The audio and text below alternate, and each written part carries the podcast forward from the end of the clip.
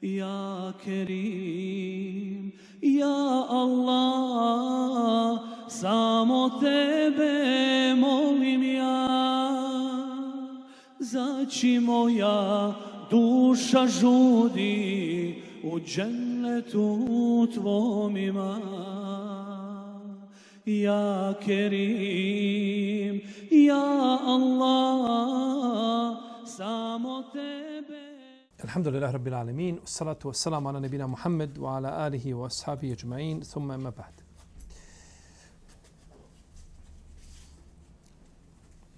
Suština borbe između ljudskog i džinskog svijeta, odnosno među ljudi i džina. Čovjek se bori protiv svoga neprijatelja prema mogućnostima i raspoloživim metodama. Stoga je jako bitno odabrati adekvatnu metodu borbe.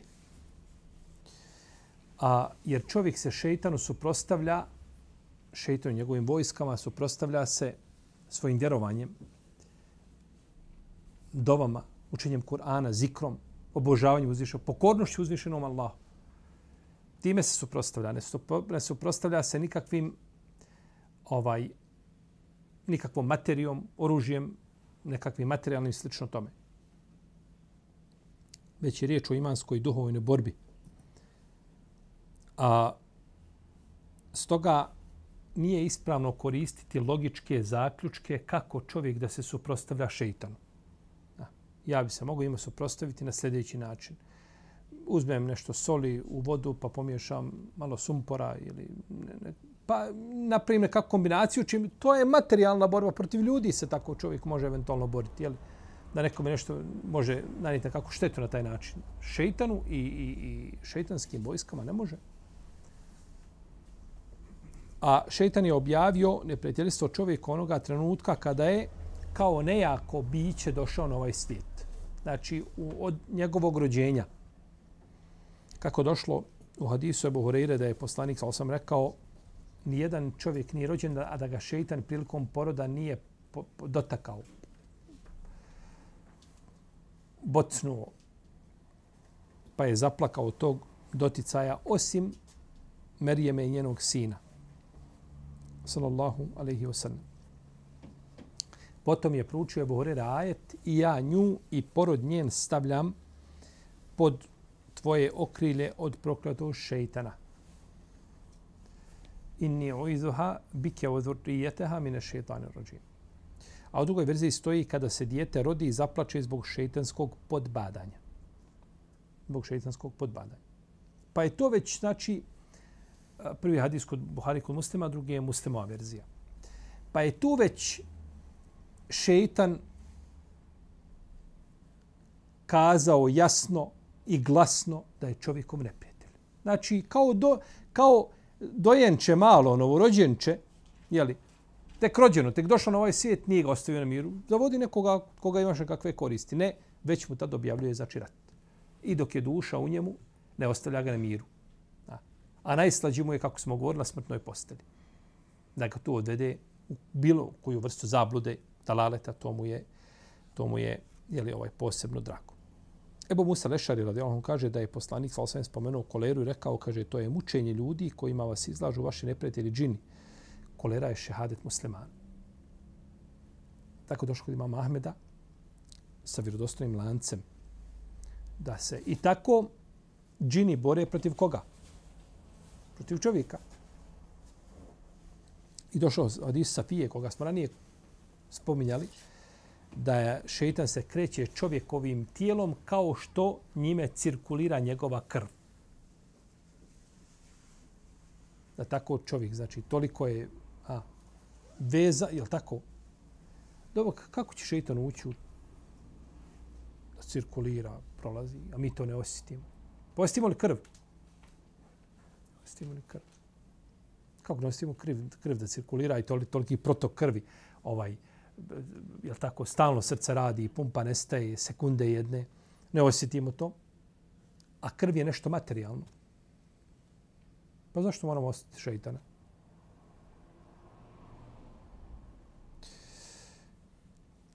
Pa se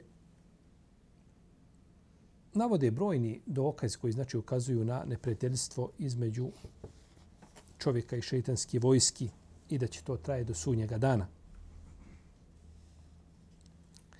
Neke šije tvrde da je Alija radijallahu anhu borio se oružano protiv džina. Što je neispravna tvrdnja?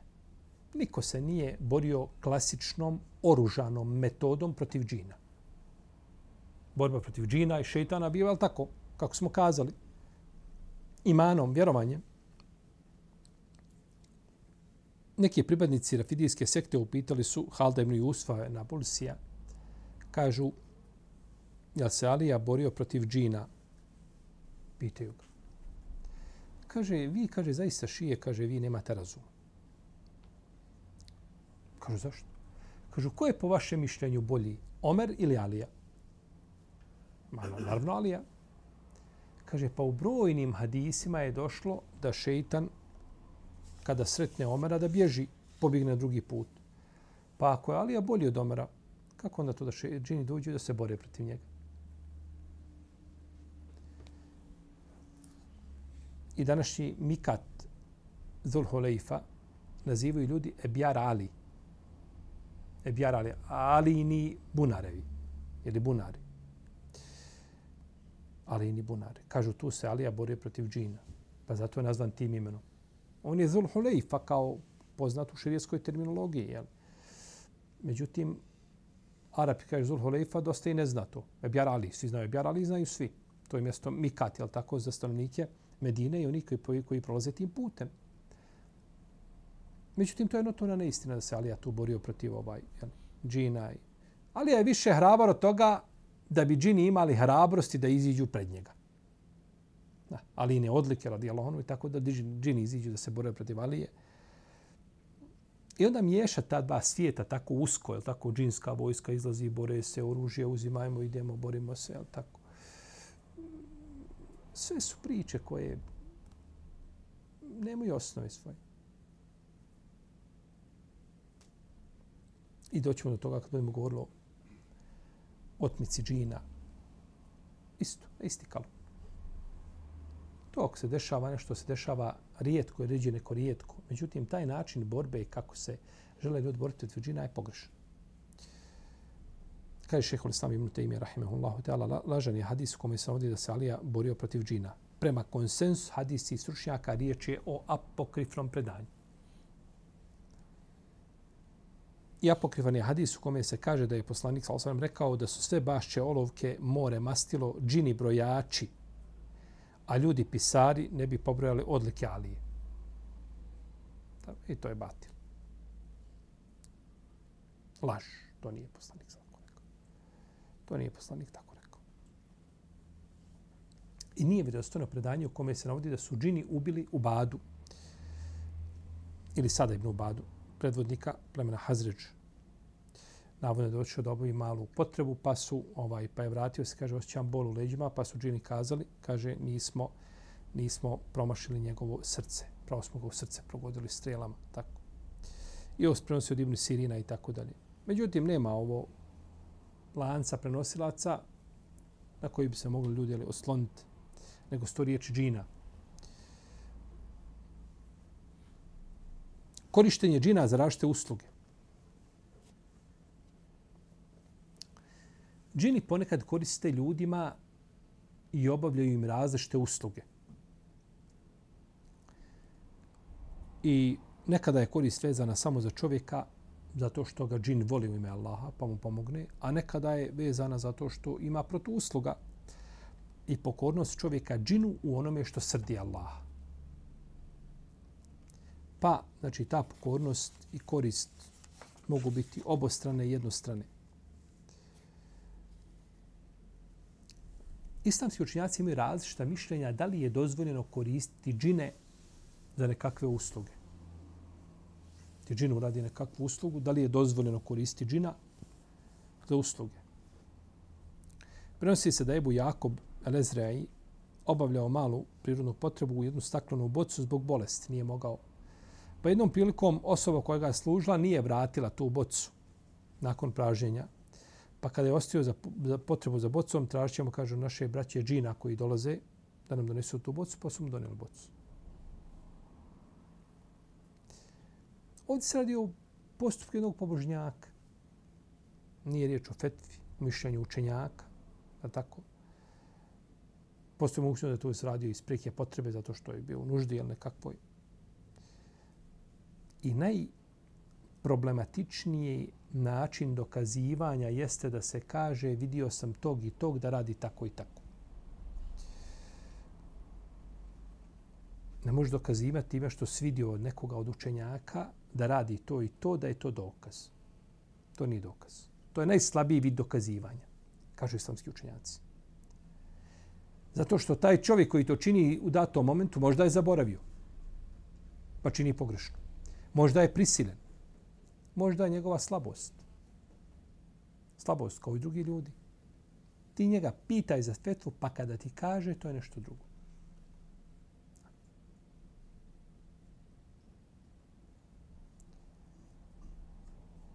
Čovjek može biti da obavlja određeni ibadet na poseban način koji su predan sunnetu. Ne može zbog bolesti.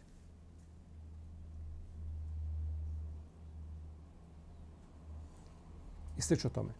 Pa je kazati, vidio sam tog i tog, da radi tako i tako, to je slab način dokazivanja.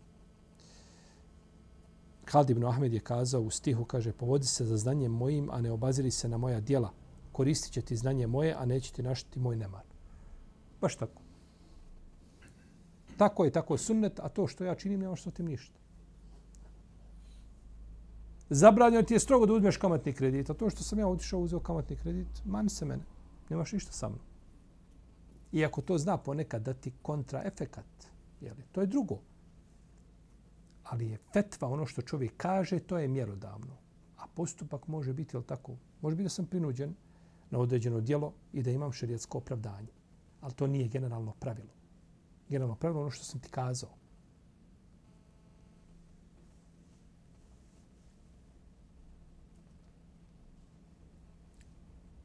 Šihab el Abir, Šihab koji je tumačio snove, kaže da su ga džine obavještavalo nekim događajima.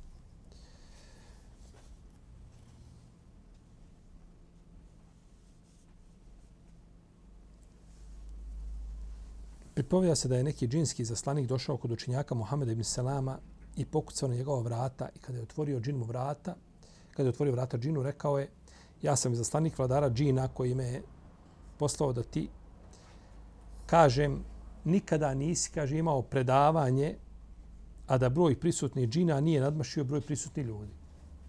Koliko ljudi ima, nas je uvijek više na predavanju.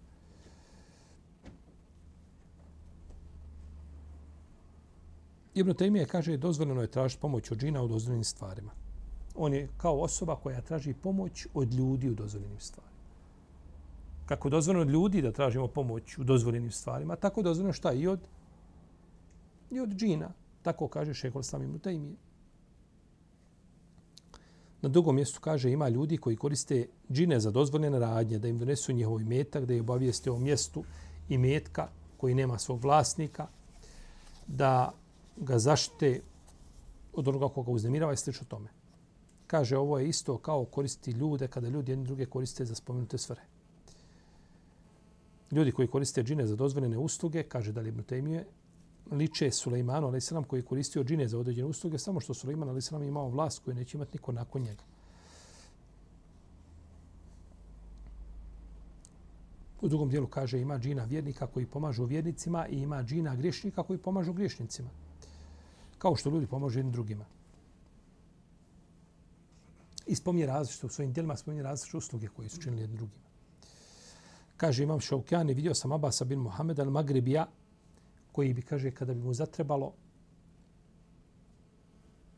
para srebrenjaka, uzeo bi, kaže, komade platna, izrezao ih onoliko koliko je srebrenjak velik i stavio, kaže, u jednu posudu, pokrio je, kaže, i učio Kur'an na tom posudom i kaže, kada otkrije, kaže, ono, zlat, ono, srebrenjaci. Jel da, da je tako znati metodu da se komad malo većeg platna, izvedeš 200 maraka i proučiš malo. Ovo Ševkjani spominje, imam direktno, znači nije priča prenosi je, ne. nego to on spominje šta je, jeli, šta je vidio, a, to spominje u svome djelu, Bedru Talije.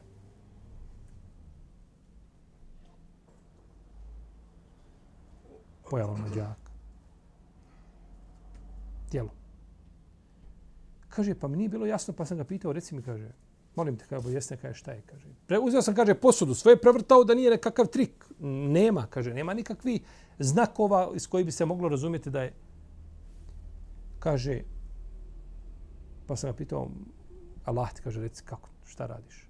Kaže, ja ovo izražem i stavim u posud, kaže, i pokrijem i učim Kur'an, kaže, i dođu džini i donesu mi srebrenjake i to mi biva pozajmica dok se ne snađem pa im ja vratim.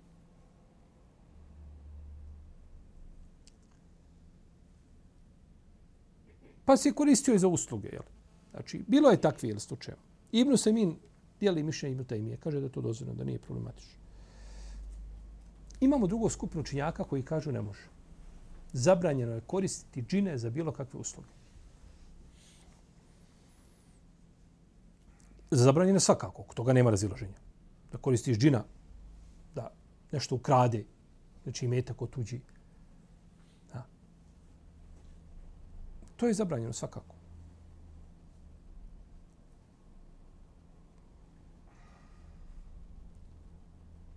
Kažu, uzvišenje Allah kaže i bilo je ljudi koji s pomoć tražili džina. Pa su im tako objest povećali. I na dan kada ih sve sabere, pa Melek je, pa Melek je upita, zar ovi se nisu vama klanjali? Oni će odgovoriti, falje, neka si ti, gospodo naši, između nas i njih nije bilo prijateljstva. Oni su se džinima pokoravali i većina je njih u njih vjerovala.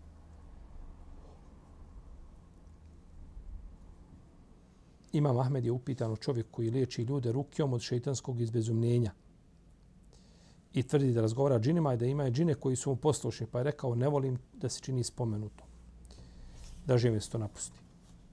A učinjaci kad govorili s prvi generacija nešto ne volim, oni su time ciljali zabranjeno. Izbjegali da kažu haram. I tako ne kažu ne volim, ne dopada mi se. Nekad za otvoreni haram koji koga nema razilaženja kažu ne dopada mi se. Laju džibuni. Ne sviđa mi se, ne dopada mi se, to se tako radi. A to u stvari zabranjeno. Ali su izbjegavali šta riječ? Zabranjeno. Haram. Pa su došli učenjaci, sledbenici imama, veliki, kako spominje Ibn Kajim, u svome dijelu Elamru Maqi'in, pa, je, pa su, kaže, pogrešno razumijeli riječ svojih imama. Imam kada rekao, kaže, prezirem nešto. Ekrau, mekru. Kaže, mekru. Nije on ciljao mekru, on ciljao haram time. Samo što su izbjegavali da kažu šta. Davali su to pravo isključivo uzvišenom Allahu jeli, i poslaniku, sa koji je zabranio po Allahove naredbi. Pa kažu, ne dopada mi se.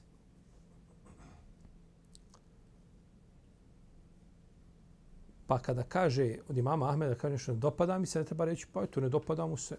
Preče i bolje ne činite, ali ako učiniš, nije belaj. Ne možete dokazivati njegovim riječima. To kasnije vrijedi, kasnije učenjaci koji su došli, oni idu po a, terminologiji fikskoj A.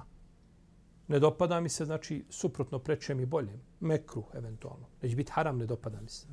Ali prvi učenjaci su imali, ha, pa je bitno razumijeti učenjaka kad govori, kada kaže nešto šta je time ciljao.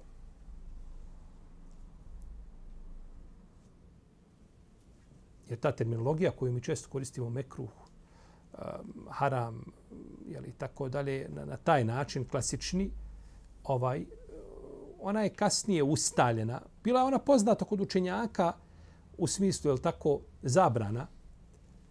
Jer zabrana rezultira ili a, haramom ili mekruhom.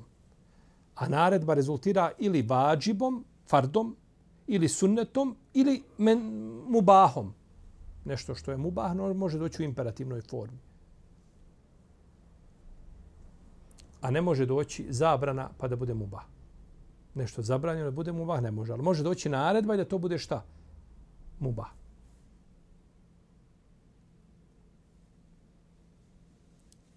Pa su koristili izraze znači, koji, koji ukazuju da bi to eventualno moglo proći, a nisu ciljali taj smisao. Ciljali da je to zabranjeno. Imama Ahmeda su upitali a govorio, kaže, ne dopada mi se jelo napravljeno od mesa životinje koja je zaklana u ime zvijezda, crkve ili bilo čega drugo mimo Allaha. Kažeš, u ime zvijezde te i te i zakolješ. Kaže imam Ahmed, ne dopada mi se da to jede. Znači, ako bi pojeo, nije belaj. Je tako? Je to cilj imam Ahmed? To nema razilaže među lemom, da se ne može da je haram jesti, ali tako, e, zabranjeno se strvi, krvi, sinsko meso i ono što je zaklao nečije drugo ime mimo Allahovog imena. Nema razilaženja oko toga. Razilaženje je kad čovjek zaboravi bismilu.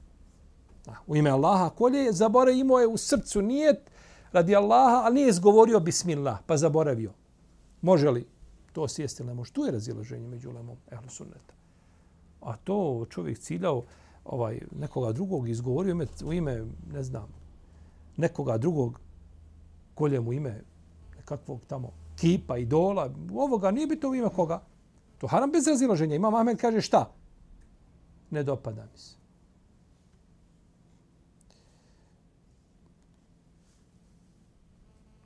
Pa je to ovaj... I naveo ove brojne primjere Ibn Kajim od imama Ahmeda. Pa je bitno razumijeti riječ učenjaka na ispravan način. Da im se ne pripisalo nešto što nisu kazali. Da kažemo, jeste po imamu Ahmedu, nije lijepo i nije pohvalno jest nešto što se zakolje u ime kipa, ali kada bi čovjek pojao ala ber bismillah, ala bereketillah, nije bela i nije nešto sad to. Jel? He, kako nije. Ali su oni bježali, mi lahko kažemo haram. Tako. To je jednostavno kazati. Oni se čuvali toga.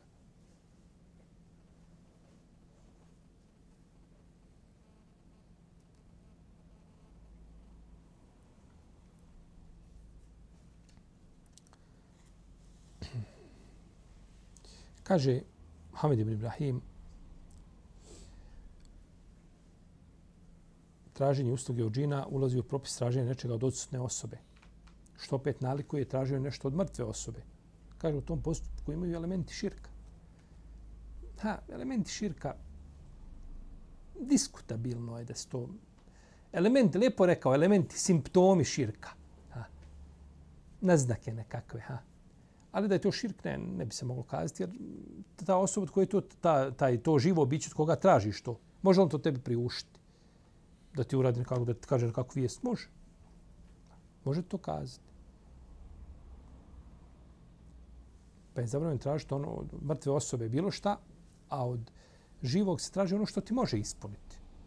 Ne može živog tražiti ono što ti ne može ispuniti.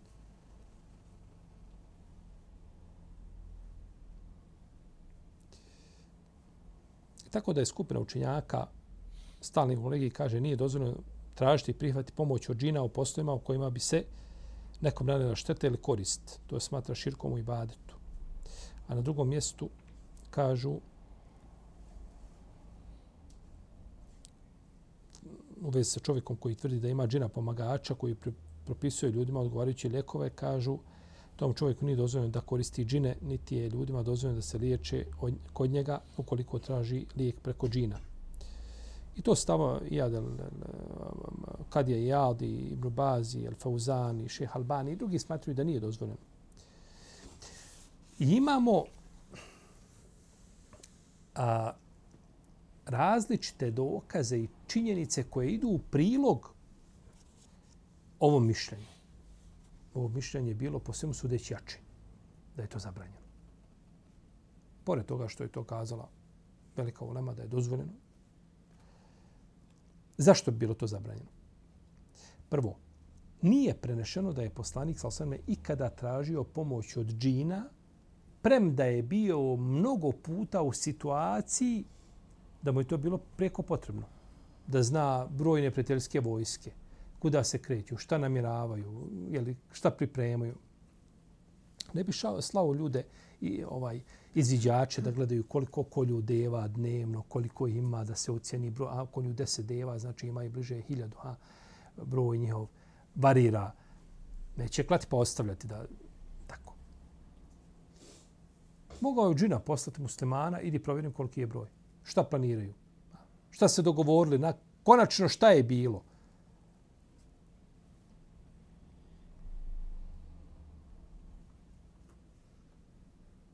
Nije to koristio. Dalje, nije potvrđeno da je neko od pravilnih vladara i ashaba tražio pomoć od džina. Niti su to činili odabrani učenjaci iz najboljih generacije. Dalje, kako znati taj džin što se predstavlja da je pokoran, da je musliman? Kako znati da nije nevjernik, da nije otpadnik, da nije sledbenik nekakve zabludile sekte, da nije pokvarenja? Kako znate? Vjerovati džinima je krajnje upitno. Vjerovati džinima je krajnje upitno. Džin je spreman da ti deset puta kaže istinu i da ti se zalijepiš. I onda nakon toga da te zavodi s pravog puta.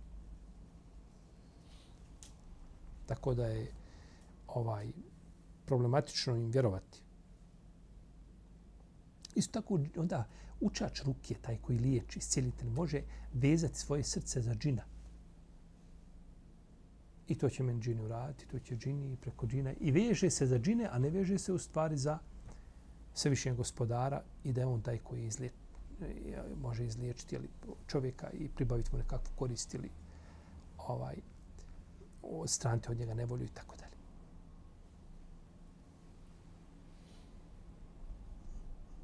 Kada bismo kazali dozvoljeno je, taj opet postupak uvodi čovjeka u jedan začarani krug koji je pun neizvjesnosti. To ide jedno vrijeme, pa šeitani nije, ne miruju. On tebi kada čini uslugu, on želi protu uslugu. Kako ti da zna, znaš ako, ako je ako on dobročinitelj, želi tebi zato što voli ume Allah. U redu, otkud ja znam da me voli ume Allah? Da nije došao da mi učini, da, da, me, da, me, da me postepeno primami, pa da me onda uvali u belaju probleme. Pa to ne znam.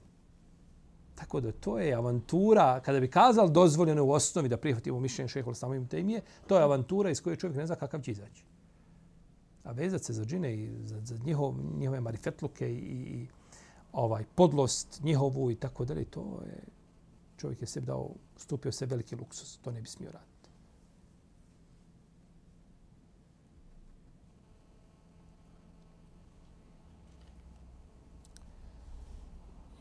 Pa je šeitani traže, znači, od svojih sledbenika, traže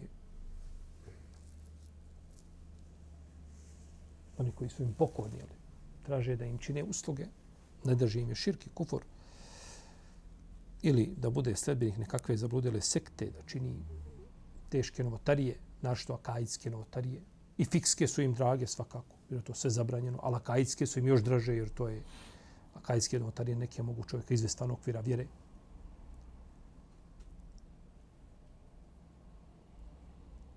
Pa ako se onda grijesi nekakvi, veliki, mali, bilo što, mekru, ako ništa mekru, daj mekru. Bilo šta uradi, nemoj samo, ako ništa nemoj činiti bolje nego čini dobro. Sjedi uči Kur'ana, nemoj klanjati namaz. I pusti da prođe namasko vrijeme i ti cijelo vrijeme učiš Kur'an. Učenje Kur'ana i badet. Vrijedno. Pa će to nadomjesti ovo drugo. Nije bitno. Propusti namaz, šta fali? Ne može u vrijeme namaskom vaktu, ne može biti ovaj, nikako vrijedniji, vrijedniji učenje Kur'ana od namaza. Namaz je strogo propisan, a učenje Kur'ana nije propisano kao namaz. I učenje Kur'ana i badet koji vrijedi za svako vrijeme i nema ograničeno vrijeme, a namaz ima ograničeno vrijeme. Zato kad bi čovjek sjeo, otvorio, ima još 15 minuta do isteka sunca, do izlaska sunca, do isteka namaskog vremena, on otvorio Kur'an i uči a, suru El Fajr. Sa tertilom pola, kaže, učim suru. Zora. I učit ću fakat posle toga i u šemsi u duha.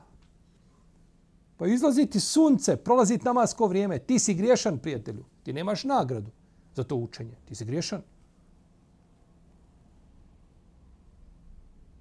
Šeitanski putevi za da zavede čovjek. Zato je najgore da čovjek kaže ja, ja, ja ne bojim ovaj šeitane, svi njegovi vojski. Da bude siguran u sebe. Treba dobiti samo uzvišom Allah da ga zaštiti zla koga nose sa sobom.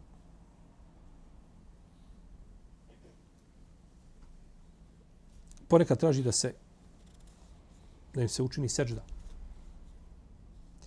Da se jedu strb, finsko meso, konzumiraju oporna, opojna pića, da se počini nemoral i to s bližnjom rodbinom. Ne nemoral tamo sa, nego bližnja rodbina da bi učinio, je tako? Da se ispisuju ajeti nečistoćom. Da se piše Fatiha unazad, ajetul kursi, kul huvallahu ahad, ili druge sure unazad da napišeš, kul huvallahu ahad, unazad. To ima ljudi koji pamti, kul Allah pamti unazad. Ja, gdje si Omer, Allahu dragi? Gdje si Omer, radijallahu ta'ala? Uh, an Omar. Takav zaslužuje, znači, da ga samo Omer prevaspita. Kul Allah unazad.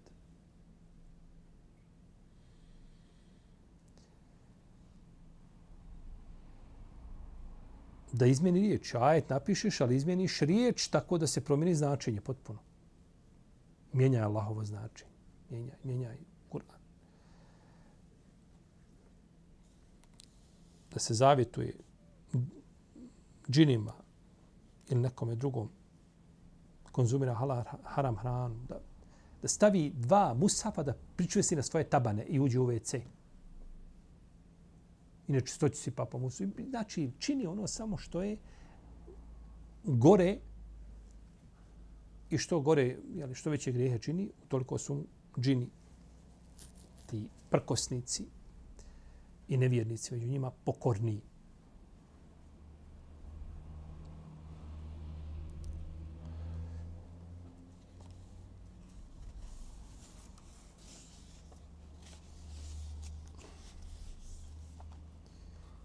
Pa je odvojiti se od tog svijeta najbolje zaštitu propisno uzeti i ne ulaziti sa njima u nikakve diskusije o bilo šta. U, doći od toga budemo govorili razgovaranje sa džinima prilikom liječenja i tako da. Najbolje što manji kontakt sa njima čovjek je mirniji.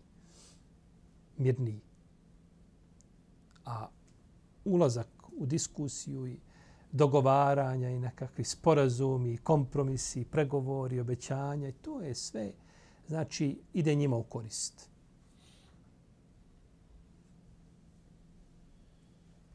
To je ko čovjek koji ne zna se klizati i iziđe na led. Ne, on neće. Što izdržati to? Sa njima na tom polju može... Ti sa njima možeš izdržati samo kad imaš Allahov kitab i zikr i, i spomljanje uzvišenog Allaha i pokornost. Tad si ti dominantan, oružje u tvojim rukama. Dok si izišao sa njim na bojno polje, Drugo, to je zgubitnik sigurno. A oni imaju sabora, da s tobom sabora i deset godina. Polako odradi. I koje god počeo raditi sa džinima, on nije počeo odmah ušao i dozivati džine i prezivati džine i dogo... To je počelo polako. Onako, tako. Riječ dvije, časkanjem nekakvim i onda nakon toga završi, jeli, neslavno.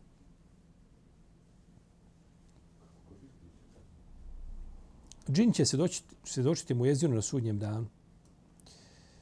Ebu Sejid al-Hudri, on je rekao Abdullahu ibn Abdurrahmanu al-Maziniju, vidim, kaže, da voliš brave i pustinju, pa kada budeš, kaže, kod svoga stada u pustinji, kada budeš učio ezan za namaz, kaže, podigni svoj glas. Podigni svoj glas. Jer sve što čuje je glas mu jezina, čovjek, džin i ostalo, bit će mu svjedok na sudnjem danu. Ebu Isidele zatim rekao, čuo sam to od poslanika, sallallahu Čuo sam to od poslanika, sallallahu alaihi Podigne svoj glas. Pa će džini svjedočiti, znači, htjeli ne htjeli, svjedočit će onome ko uče A to čovjek treba učiti ezan i sam kad klanjaš, pruči ezan u kući svojoj, parkiralištu, u firmi gdje radiš, pruči ezan obavezno. Nemoj bez ezana klanjati. Iako ezan nije uvijek za ispravnost namaza. Kod neke uleme ezan vađi, kod većine nije, ali ezan ne treba ostaviti. Ezan nije dobro ostaviti. To je bolje i preče ga učiti. Ezan uznemirava šeitana do te granice da, da, da se dadne u bijeg kad čuje ezan. Kad zauči ezan, šeitan pobjegne pustujući vjetrove, kako došlo od Isu, da ne bi slušao ezan. A kada mu izin završi sa učenjem ezana, on se vrati, pa kada počne učiti kamet, on ponovo pobjegne, a kada završi, on se ponovo vrati i onda zašaptava. Jel tako? Sjet se toga, toga, toga, toga, dok čovjek ne, jel tako? Ne zbuni za ne znam koliko rekiata klanjao. To je ono što se kaže da, jel, da čovjek nešto zaboravi, treba sad da klanja. Nije to, nema tu hadisa o tome, kad zaboraviš nešto, klanjaj. Nego je došlo na, na ovaj kalup.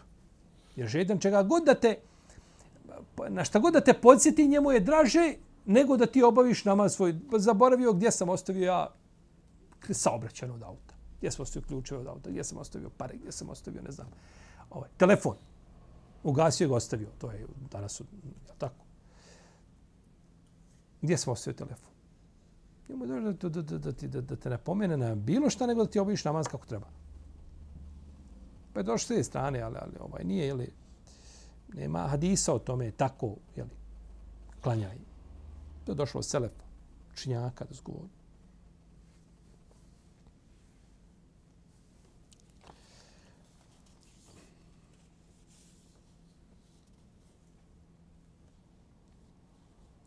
Šeitan je bio i okovan u Ramazanu.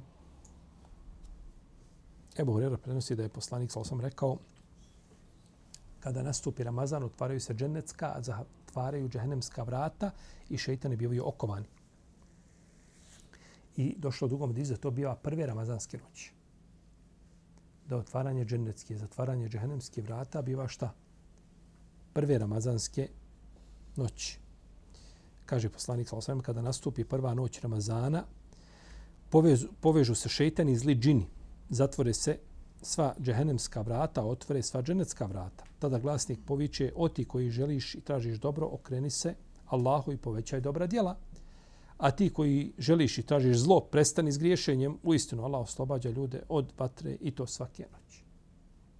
Pa je Ramazan poseban, ali tako poseban u tom pogledu. Šeitan odgovara onome ko ne odgovori na selam. Išam ibn Amir prenosi da je čuo poslanika sa osvem kada je rekao muslimanu nije dozvoljeno da izbjega svoga brata muslimana više od tri dana.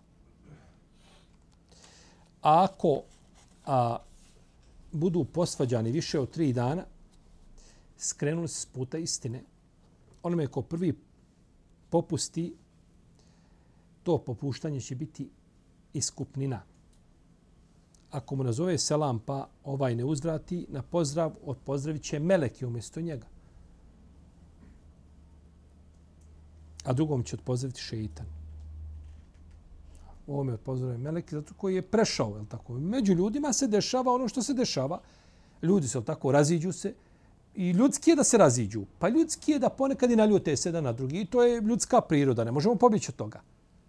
Ali ni ljudska priroda da ostanem zaklete neprijatelj s nekim do sudnjeg dana. Zato najbolji čovjek, četiri su vrste ljudi po pitanju srđbe, najbolji čovjek je koji se teško naljuti, a lako se odljuti. Za razliku od koji se lako naljuti, a kad se naljuti, zaboravit ćeš kad će se odljuti. To je, odmah se uzmu naredne tri godine, nema ništa od toga. Tako da, ko prvi pređe preko toga, ima nagradu. A ovaj ako odbije, ako odbije, to je šeitanska stranka. Šeitan, šeitan mu pozdravlja. Šeitan je ta sa njim zadovoljan i on njemu pozdravlja. Tako. A kaže, ako umru posvađanje, neće nikada, nikada se neće sastati u džennetu. Ako umru posvađanje, nikada se neće sastati u džennetu. Allah te ala. Sallallahu Muhammedu ala alihi.